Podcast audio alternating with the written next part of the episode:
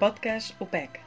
La Universitat Progressista d'Estiu de Catalunya celebra la 17a edició de les seves jornades d'estiu, al juny del 2021, sota el lema L'essencial és invisible als ulls. En la sessió inaugural vam comptar amb la presència de Jaume Collboni, primer tinent d'alcaldia de la ciutat de Barcelona, Camil Ros, secretari general de la UGT, Javier Pacheco, secretari general de Comissions Obreres i Jordi Serrano, rector de la UPEC. pot pensar que el treball està en fase de desaparició, doncs eh, s'ha mostrat que no és així i que en lloc d'anar cap a la desaparició d'un element de centralitat com és el treball per poder desenvolupar projectes de vides, no? tant individual, individuals com a col·lectius, doncs eh, tot el contrari, no? s'ha mostrat eh, cap dalt per poder, eh, com deia, sostenir el més bàsic que tenim, no? que és la salut i la forma, i la forma de vivir, no? la, els béns primers per poder, per poder viure. No? I farem intentarem fer des d'aquesta vessant sindical, des de la nostra pròpia visió com a organització de treballadors i treballadores, doncs la, la nostra aportació a aquesta consolidació de consciències per recuperar una part no, del que ha estat el desvellajament de la centralitat d'aquell treball, no només en el conjunt de la societat liberal, sinó també en els espais de les esquerres eh, en els darrers anys, no, en les darreres dècades, i que intentarem eh, que torni una altra vegada a ocupar el, la via més central del que són les prioritats no, de les polítiques eh, socials i d'esquerres que hauríem d'intentar entomar entre totes i tots en un nou moment eh, diferent que estem vivint no només per la pandèmia sinó per els processos de transformació que ja se venien produint i que s'han accelerat i que ara tenen una tendència encara d'increment en relació a la participació en, les nostres, en la nostra vida, en la nostra forma de convivència, aquests processos eh, evidentment de canvi doncs els estem veient no? eh, avui la darrera, la darrera jornada no? de l'OPEC que la van tenir que fer encara més telemàtica eh, que aquesta, no? doncs són realitats que, que canvien les nostres vides però que també canvia la nostra relació amb, eh, amb el treball, amb l'economia, amb l'empresa i que nosaltres hem d'intentar eh, aprofitar algunes de les inèrcies favorables que tenim en aquest sentit. No? Eh, penso que vivint ara la sortida de la crisi alguns corrents favorables que hauríem d'intentar consolidar des de l'esquerra. No? Primer perquè penso que s'ha incrementat eh, el factor del valor de lo públic, el que realment construeix i estructura un model d'estat de dret social i per tant el valor de lo públic penso que és un element de consciència col·lectiva que juga eh, amb un corrent de favor. Ha despertat també la necessitat de eh, concebre el, el treball digne, és a dir, quan parlava d'aquestes professions que se mostraven essencials eren precisament aquelles que eren més precàries, no? les que pateixen més la precarietat i per tant la gent despertava la consciència de com és possible que aquella gent que ens cuida pateixi les condicions de precarietat assolint per tant la necessitat com a concepte del treball digne. No? Estem veient també com aquesta crisi està sent gestionada amb polítiques keynesianes i no de l'austericidi, com va ser la crisi anterior. No? Ve una ofensiva diferent de gran eh, palanques d'inversió pública que actuen directament no? a la intervenció de l'economia i que eh, trenca alguns dels paradigmes no? i els dogmes del liberalisme econòmic no? en el, el, que la participació de, de lo públic en l'economia doncs és allò de l'intervencionisme eh, que trenca la capacitat liberal del desenvolupament d'un model capitalista. No? Doncs no és eh, que siguin bolivarians els primers que han començat a desenvolupar polítiques keynesianes no? que, per exemple, estem veient com els Estats Units eh, estan triplicant el nivell de participació de la inversió pública que a la Unió Europea sense eh, menys tenir no, el que està fent la Unió Europea amb la seva aportació de diners públics en relació de la gestió d'aquesta crisi. No? Per tant, se trenquen alguns paradigmes que juguen a favor per poder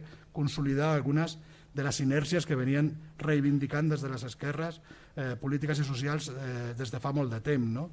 Eh, hem de pensar també com juga el factor de la socialització del treball eh, i el paper que pot desenvolupar l'esquerra. No? Sentia Biden dir que les classes mitjanes americanes no les van construir eh, Wall Street, sinó que el van ser els sindicats el que van fer possible la construcció d'aquestes classes mitjanes doncs se'n diu un valor fonamental de la recuperació de la legitimitat de l'organització col·lectiva de la societat envers el desenvolupament de les seves eh, participacions directes al treball o amb altres espais polítics que podem plantejar. No? I aterrant una mica estem veient també com s'obren eh, escenaris no?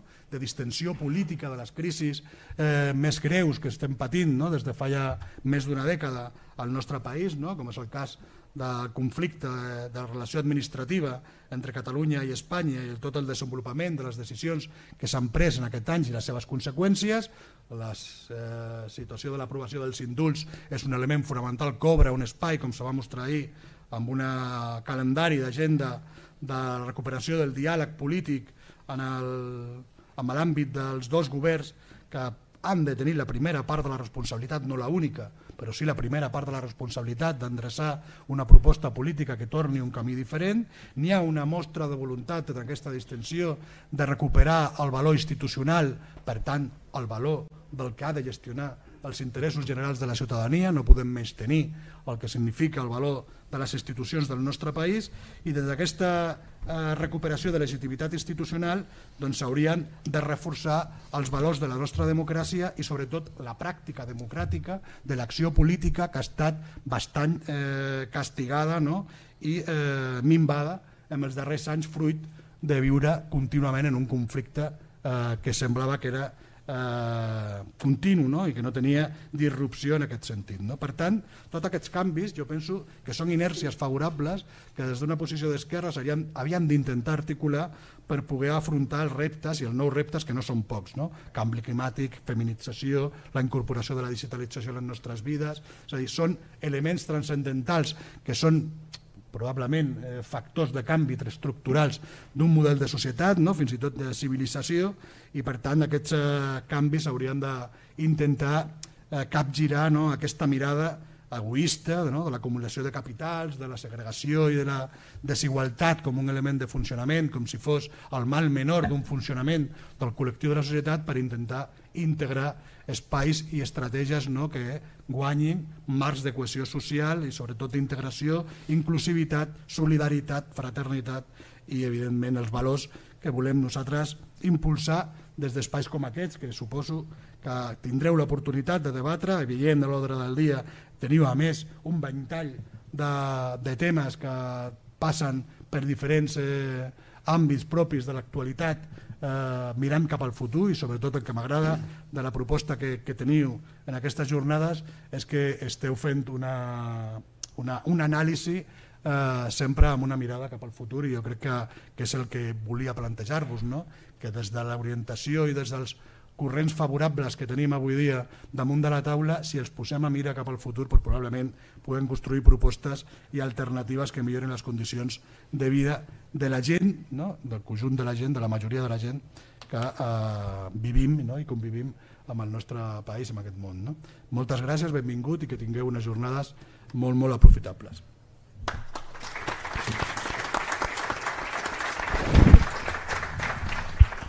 Bé, Tera, Té la paraula en Jaume Collboni eh, amb una doble representació avui, de manera extraordinària, eh, però, bueno, una doble representació real, eh, que és la representació de l'Ajuntament de Barcelona i també de la Diputació de Barcelona.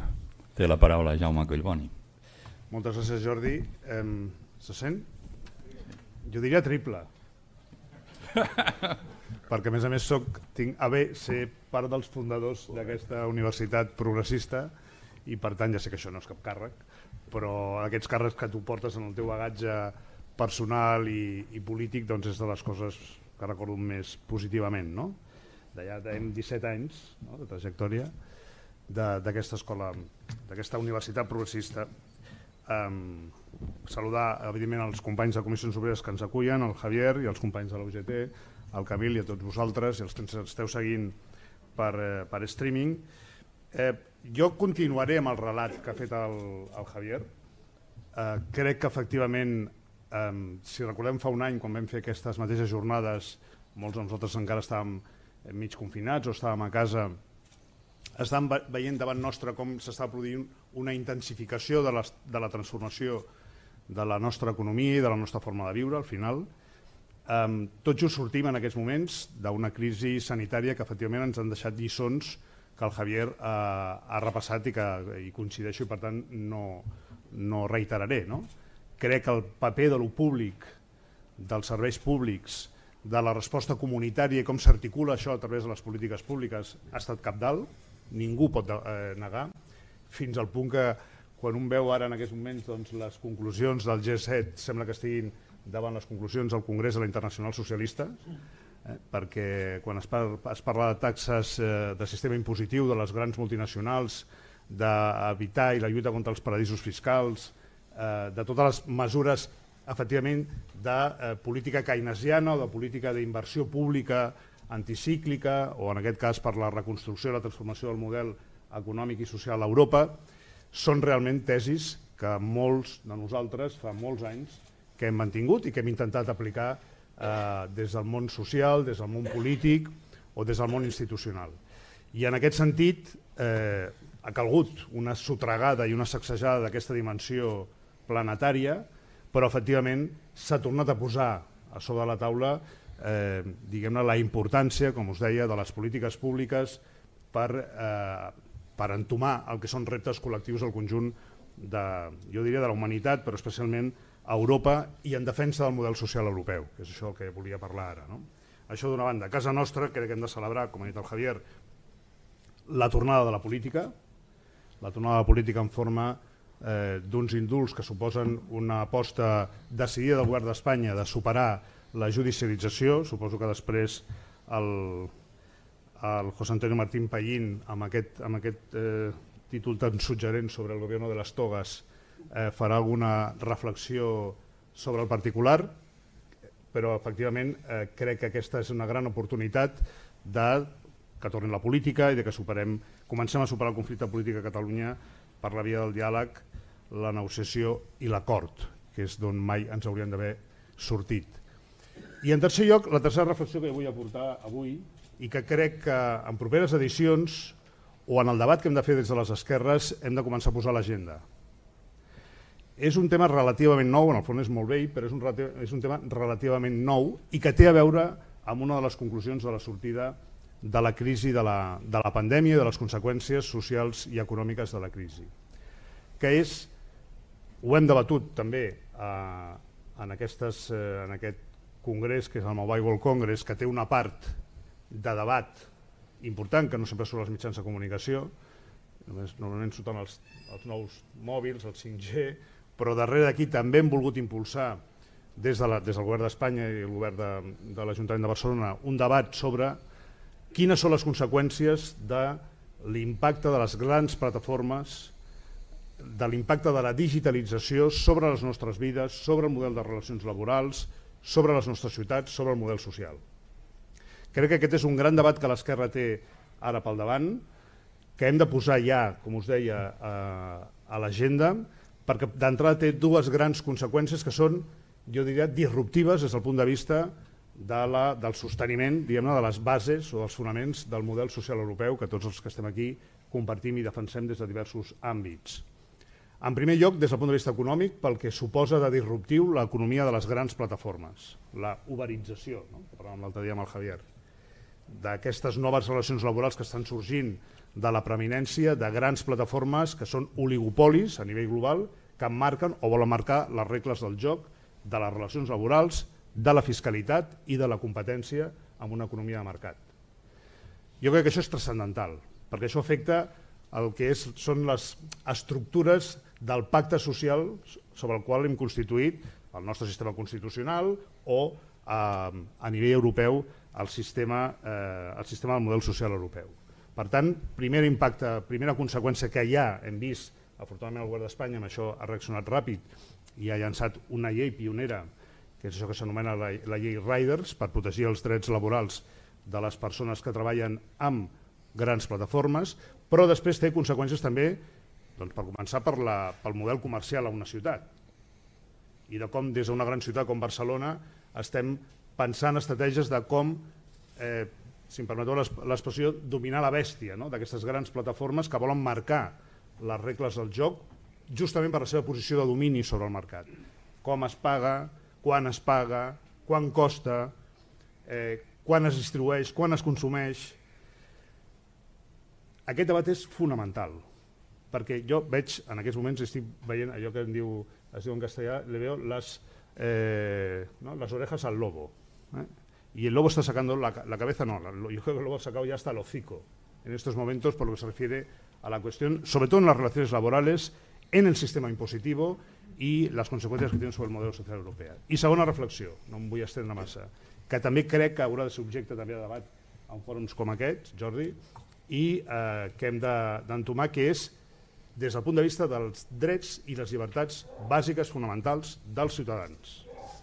En aquests moments, durant, aquests, eh, durant aquest any, els grans guanyadors de la crisi han estat les grans empreses tecnològiques. No només perquè han facturat molt més, no només perquè són més poderoses que fa un any, sobretot perquè tenen moltes més dades de tots nosaltres.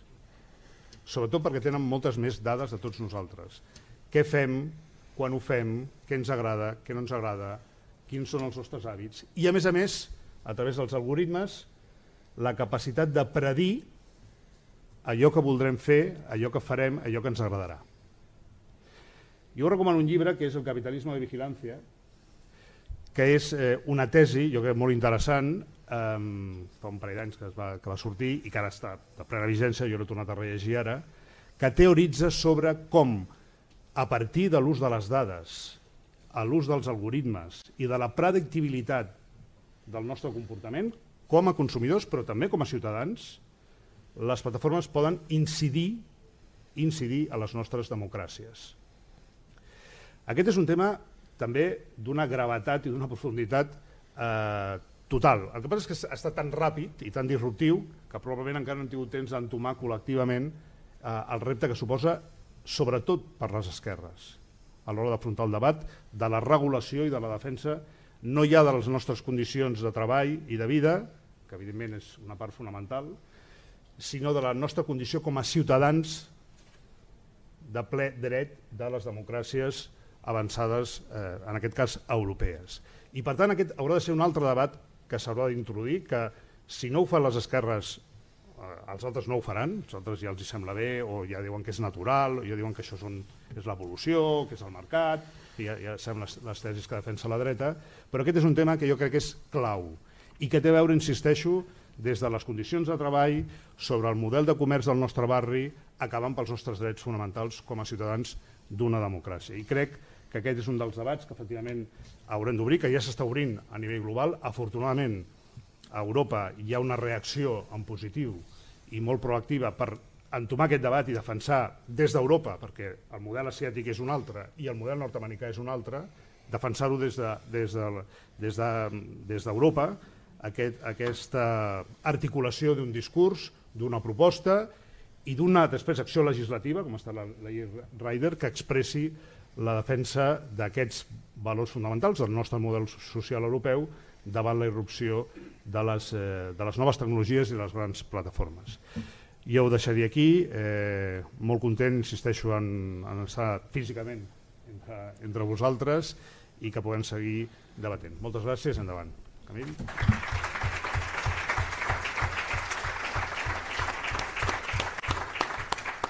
Bé, té la paraula Camil Ros, eh, secretari general de l'altra gran entitat que ens acull, que ens ajuda i que ens dona suport, la Unió General de Treballadors.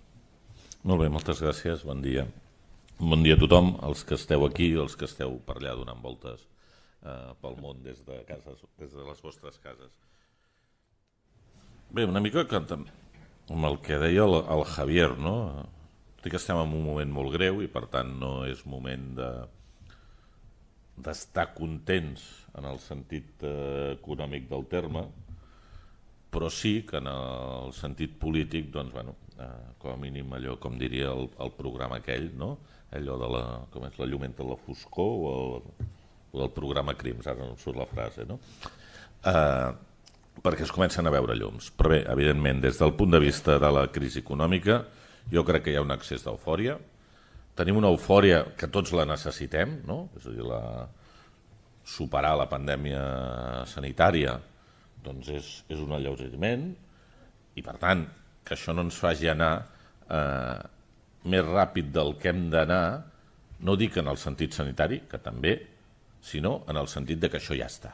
No? eh? i que això ja hem superat i que ja s'ha acabat la, la pandèmia sanitària i per tant la crisi econòmica ja està pam-pam, quatre dies i tots, eh, i tots com el 2019. No? Això per desgràcia no és així. Eh, tenim el risc doncs, que la pandèmia sanitària s'ha de portar bé, s'està veient aquests dies doncs, que cal fer una reflexió amb, amb la vacunació de la gent jove i per tant és una dada evident. També dir que jo el que crec del que ha estat passant a Mallorca és culpa de tota una sèrie d'empreses que organitzen uns viatges a Saco Paco, els junten a Saco Paco i els hi munten unes farres que t'hi cagues, no? I, I clar, jo amb 18-20 anys pues, faria una farra eh? eh, com seria el de que tancaria les llums. El dia no les tancaria perquè ja seria de dia. No? Eh? Per tant, a, a dintre d'això, de la culpabilització dels joves o no, perquè jo conec uns quants casos indirectes que han estat eh, positius eh, d'aquí de, de Barcelona i que estaven a Menorca. I clar,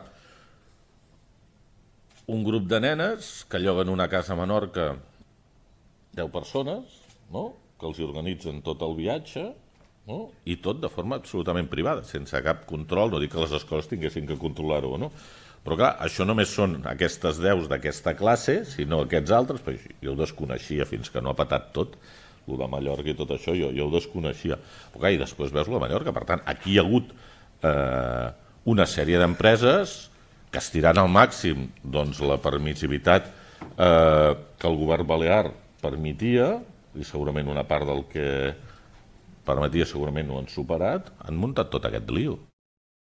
Perquè si aquestes empreses no haguessin organitzat de manera eh, despreocupada, o podíem trobar alguna altra expressió, això no hagués passat. Per tant, cal ser conscients que això no s'ha acabat, que el procés doncs, de vacunació és veritat que està donant bons resultats, però que hi ha altres elements doncs, que preocupen. Però, dit això, que no sóc sanitari, que no se'ns quedi la pandèmia de la precarietat, l'explotació laboral i l'atur. Jo crec que aquest és el gran repte eh, que tenim en aquest moment com a, com a societat. Que el típic discurs que es fa sempre enmig de les crisis, que és d'aquesta crisi n'entendrem i canviarem tots i serem bones persones i totes aquestes coses, després què passa? que els que sempre han guanyat segueixen guanyant i segueixen guanyant més i sí que és cert que en la sortida d'aquesta crisi com a mínim tenim orientacions polítiques que van diferents a l'anterior. És cert que cal canviar legislacions encara de l'anterior crisi, que són les que estan gestionant la sortida d'aquesta crisi, com són, entre d'altres, les reformes laborals, que són una base de la precarietat i l'explotació que després eh, es va instal·lar. Ara fa un any estàvem en el ple conflicte de Nissan. Nissan, en la legislació anterior a la reforma laboral del PP, doncs, ja haguéssim vist com hagués acabat aquell expedient d'ocupació, entre altres coses, pel tema de l'autorització administrativa. Per tant, calen unes regles del joc d'una sortida digna a la crisi econòmica. Per tant, tenim l'acord de, de pensions que s'ha fet, que és important, que com a mínim deroguem reforma del Partit Popular, garantint poder adquisitiu i altres qüestions. Queden unes segones parts, però ja tenim una base. Necessitem base de legislació laboral per poder sortir. Tenim, és cert, les polítiques que venen tant de nivell de l'Estat com d'Europa, amb Next Generation d'altres, s'han de poder gestionar en el marc d'acords. Jo sempre ho sap, jo no, hi hem estat reunits eh, amb en Jaume ho havia plantejat. Jo cada cop que una empresa o, o una entitat pública ens ve plantejar un Next Generation, dic, i on està l'auditoria d'ocupació? Quants llocs de treball crea? Quants es destrueixen? Quants s'han de reconvertir formativament? Aquesta part jo crec que quan vingui més la concreció les administracions públiques han de vetllar perquè això sigui així, perquè no omplim a les empreses d'inversió, no? farem les empreses més maques, no? però després ja veurem quines són les condicions laborals a dintre. També li vaig dir al Maurici eh, Lucena parlant de lo de l'aeroport, dic que hem de parlar de lo de fora. Eh? I és un moment per mirar d'arribar a acords. Però jo també vull parlar de lo de dintre. Vull parlar de les condicions de treball, eh? perquè si recordeu dels a l'aeroport, amb temes de seguretat, neteja i d'altres, té molts problemes. I té problemes per un problema de contractació pública. Heu vist alguna vaga de contractació pública de la Generalitat de Catalunya? Heu vist alguna vaga? Em sembla que tampoc, eh? ara, ara crec que no m'equivocaré, de l'Ajuntament de Barcelona?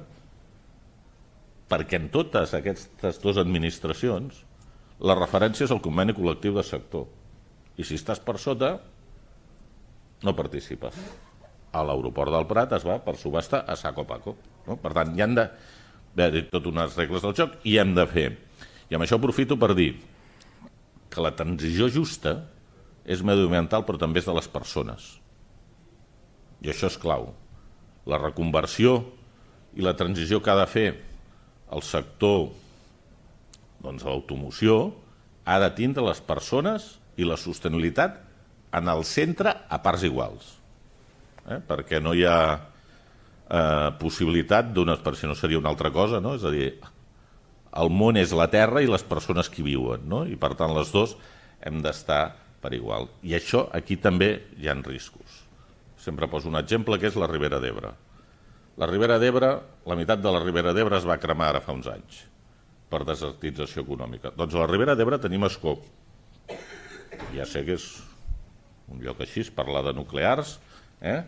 eh, i hauríem d'estar tots en contra, que es tanquin i que es fotin les 2.000 famílies que treballen allà i que es busquin la vida i que els hi busquin una, una empresa de recol·locació. Doncs no, cal plantejar alternatives també per a aquella gent. I cal fer un debat seriós, també en els temes energètics, perquè ara venen molins de vent per aquí, molins de vent per allà, i no hi ha cap ordenació. Per tant, estem en un moment clau. Estem en un moment en què sí que sembla doncs, que, evidentment, els governs eh, escolten més dels que escoltaven doncs, els, que hi havia, eh, els que hi havia fa un anys, però falta les concrecions. I per tant es fa imprescindible que la sortida d'aquesta crisi la puguem gestionar millor i la puguem gestionar molts drets. I com s'ha dit, si són essencials i imprescindibles els serveis públics, doncs els serveis públics han de deixar d'estar retallats. Perquè han donat la resposta que han donat al sistema sanitari, però no oblidem també la pressió que s'ha situat en el sistema educatiu, no? en, el, en el col·legi, en el curs aquest passat, allò, estan donant resposta amb els pressupostos de fa 10 anys, perquè és cert el que va dir la Generalitat de Catalunya, que era el primer any que no retallava. Jo els vaig dir, això és cert, però també és cert que fa 10 anys que estan retallats. Per tant, la desinversió pública que hi ha hagut en persones i en, i en la tecnificació d'aquest allò, tot això hi ha d'haver un pla de retorn de les retallades, tant d'aquí com d'allà.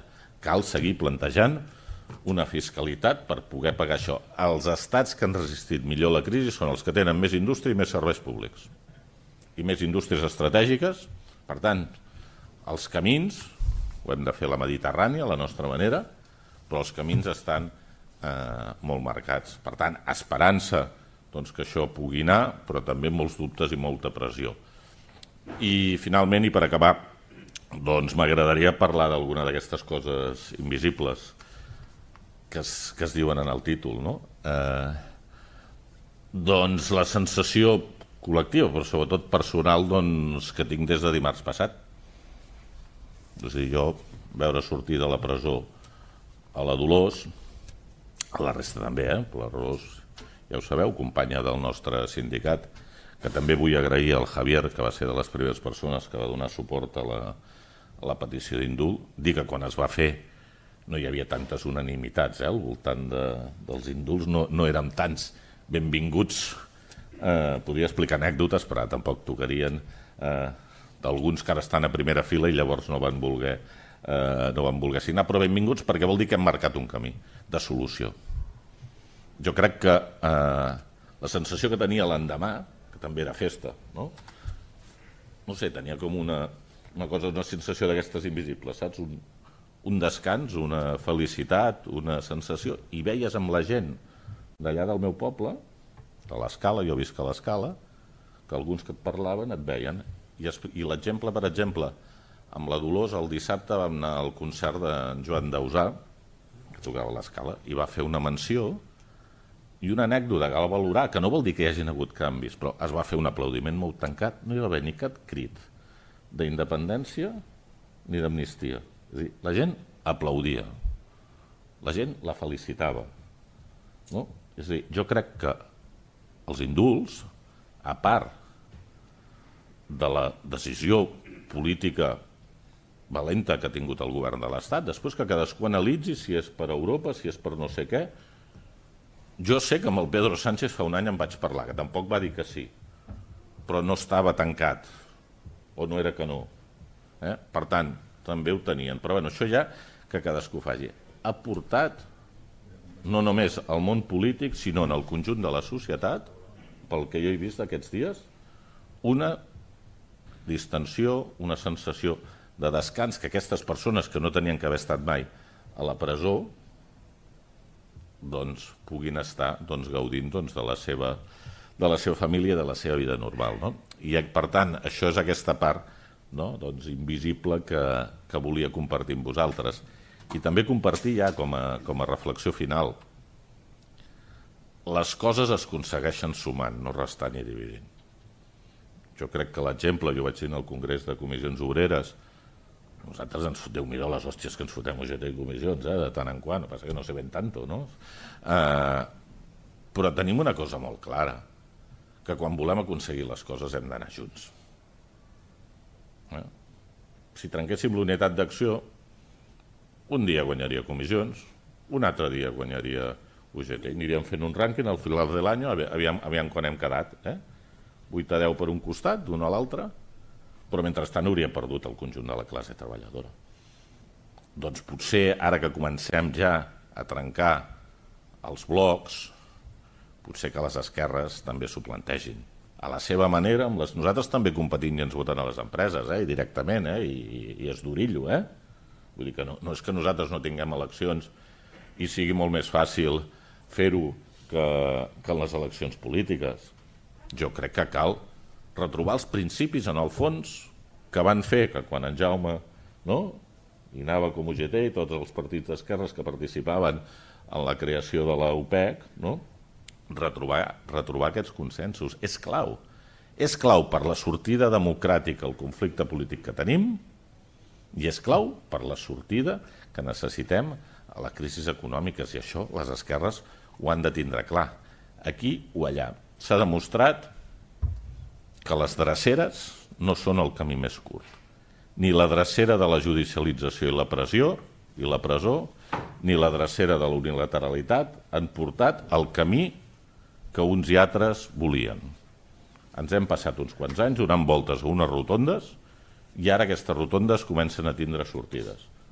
Uh, Agafem-les, no creiem en noves rotondes i construïm camins, camins que seran evidentment complexos, però estem, estem en l'oportunitat i per tant jo crec que hem de situar de manera clara il·lusió il·lusió per poder plantejar plantejaments de futur, com situava doncs, també en Jaume, amb alguns aspectes concrets, perquè no només tot s'arregla amb lo gran, sinó que s'arregla en lo concret i senzillament doncs, deixar-ho aquí. I ja que esteu, perquè tot i que aneu parlant tant de república democràtica, la part aquesta borbònica del petit príncep, eh, eh, s'us ha quedat... Bueno, jo sóc doblement borbònic, eh, també. Jo també sóc dels Reis Mags, especialment del rei Ros, que sempre es porta molt bé, però potser l'any que ve també hauríeu de titular-ho. Una altra cosa que diu el, el petit príncep diu que les persones grans són molt estranyes. Moltes gràcies.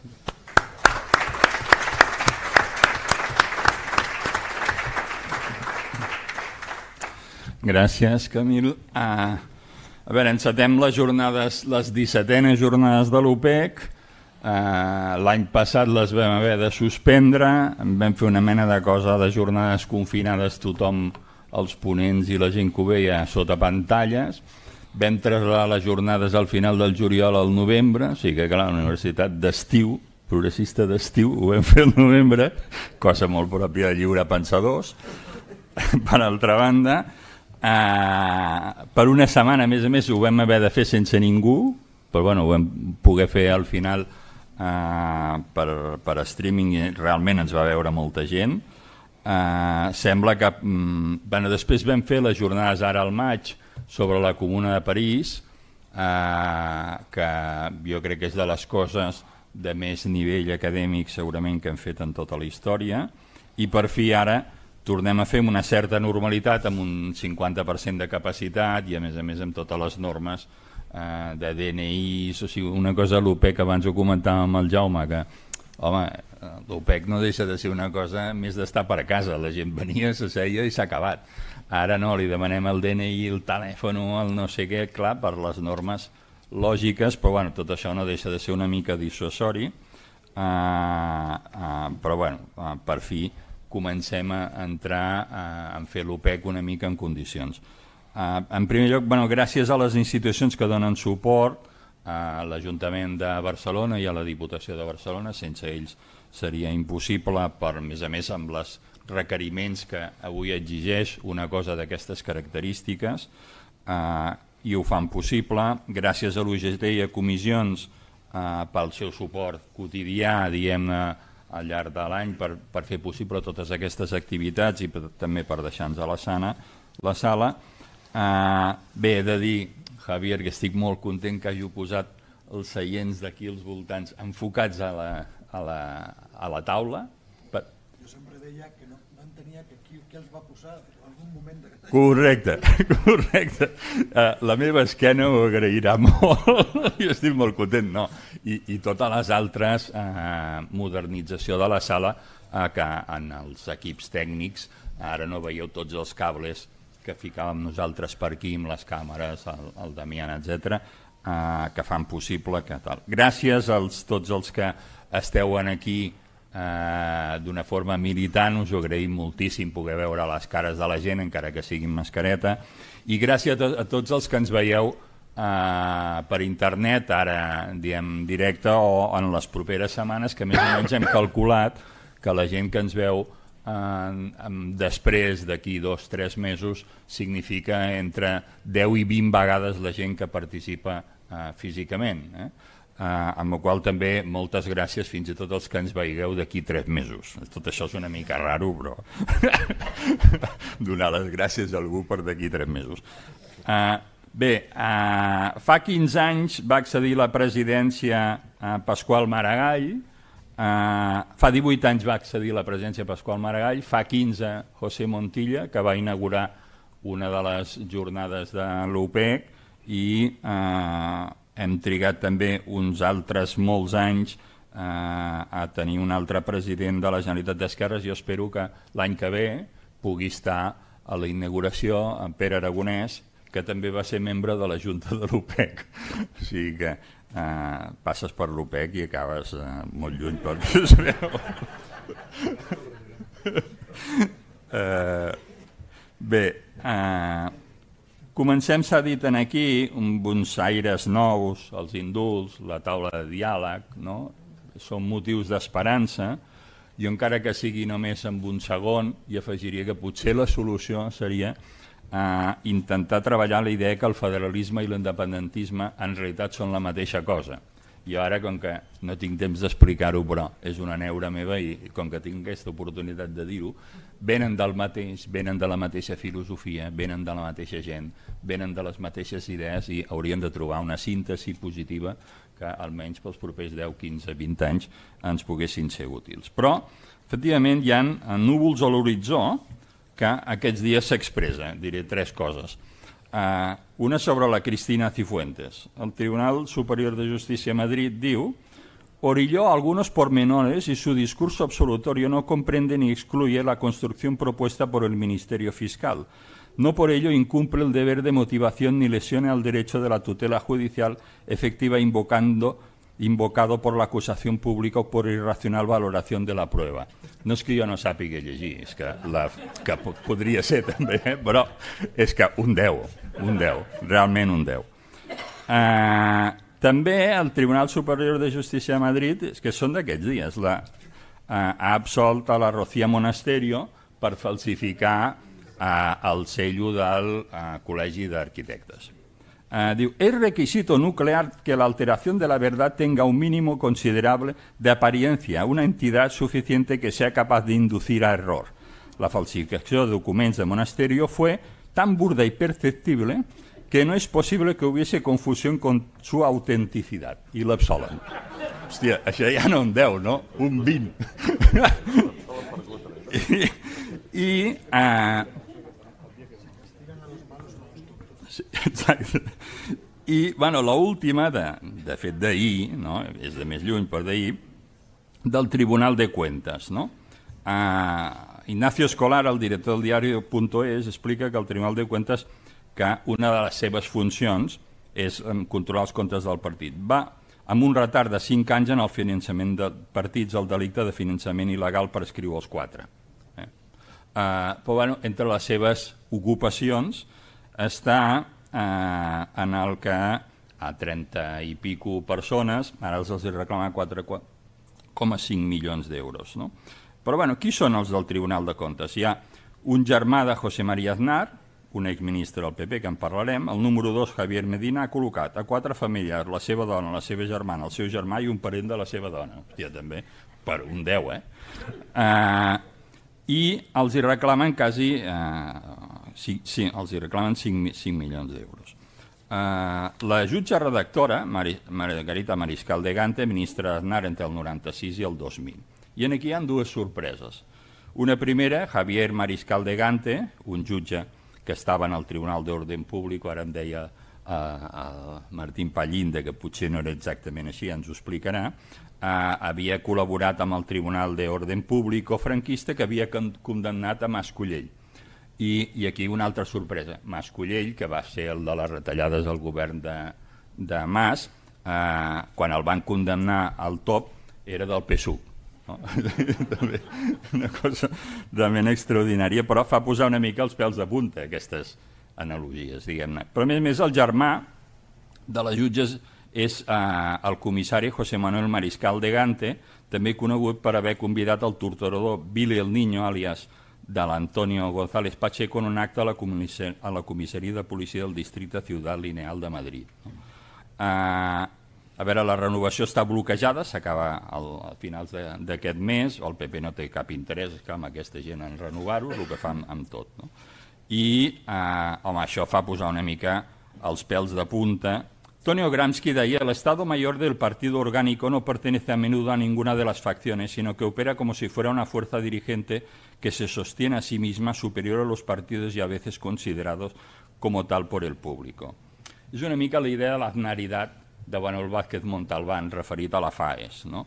Al final, eh, el mateix Gramsci deia la magistratura és un òrgan de la hegemonia política i l'hegemonia política eh, entesa no com eh, el combat electoral, sinó entesa com ho entenia Gramsci, en aquest moment l'esquerra l'ha perdut.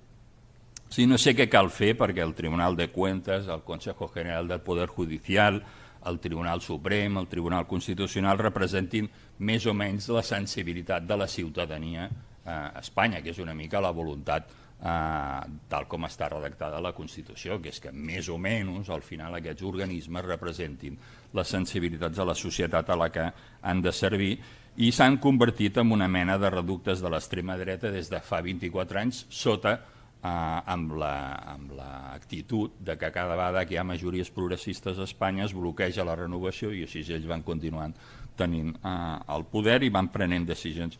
Bé, per això hem portat a Martín Pallín perquè ens expliqui una mica què hem de fer davant de tot això que ens deixa realment esturats quan veiem uh, aquestes notícies dia sí, dia també. Uh, bueno, després parlarem sobre els últims dies de la monarquia, amb interrogant.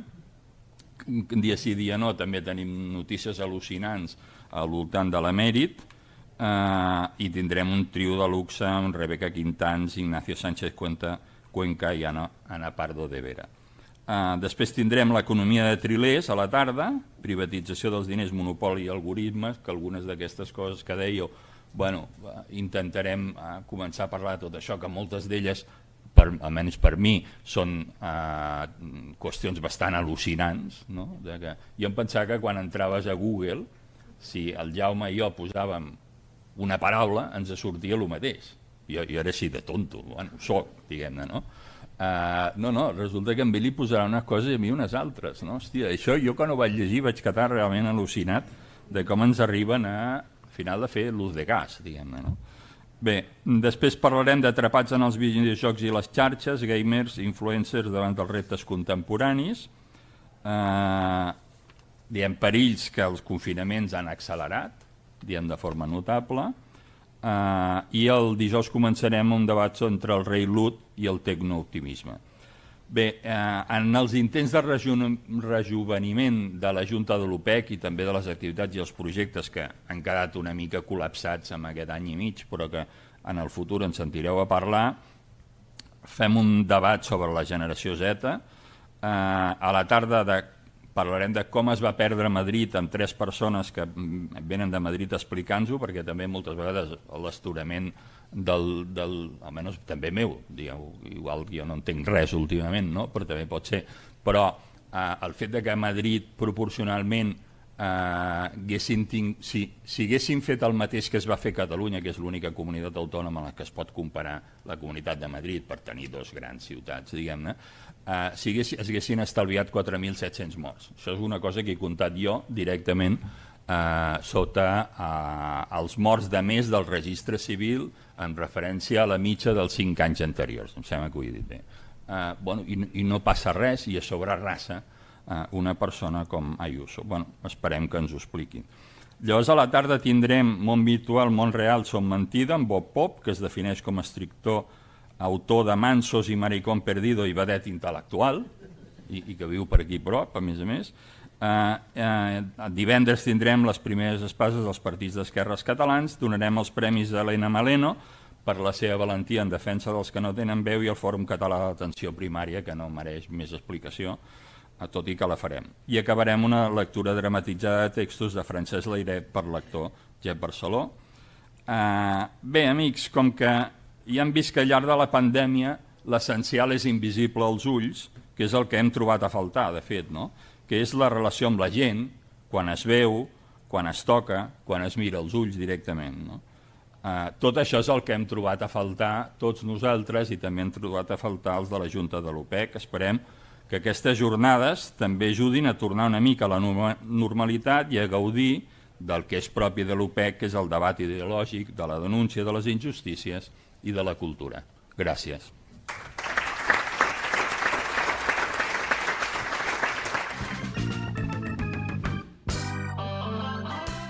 Acabeu d'escoltar la sessió inaugural de la 17a edició de les Jornades d'Estiu de l'UPEC, celebrades al juny del 2021, sota el nom L'essencial és invisible als ulls.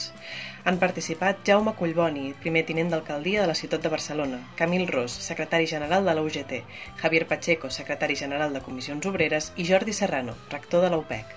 Podeu escoltar altres jornades, així com la reflexió d'altres referents intel·lectuals, polítics i acadèmics al nostre canal podcast.opec.cat i seguint-nos a les nostres xarxes socials.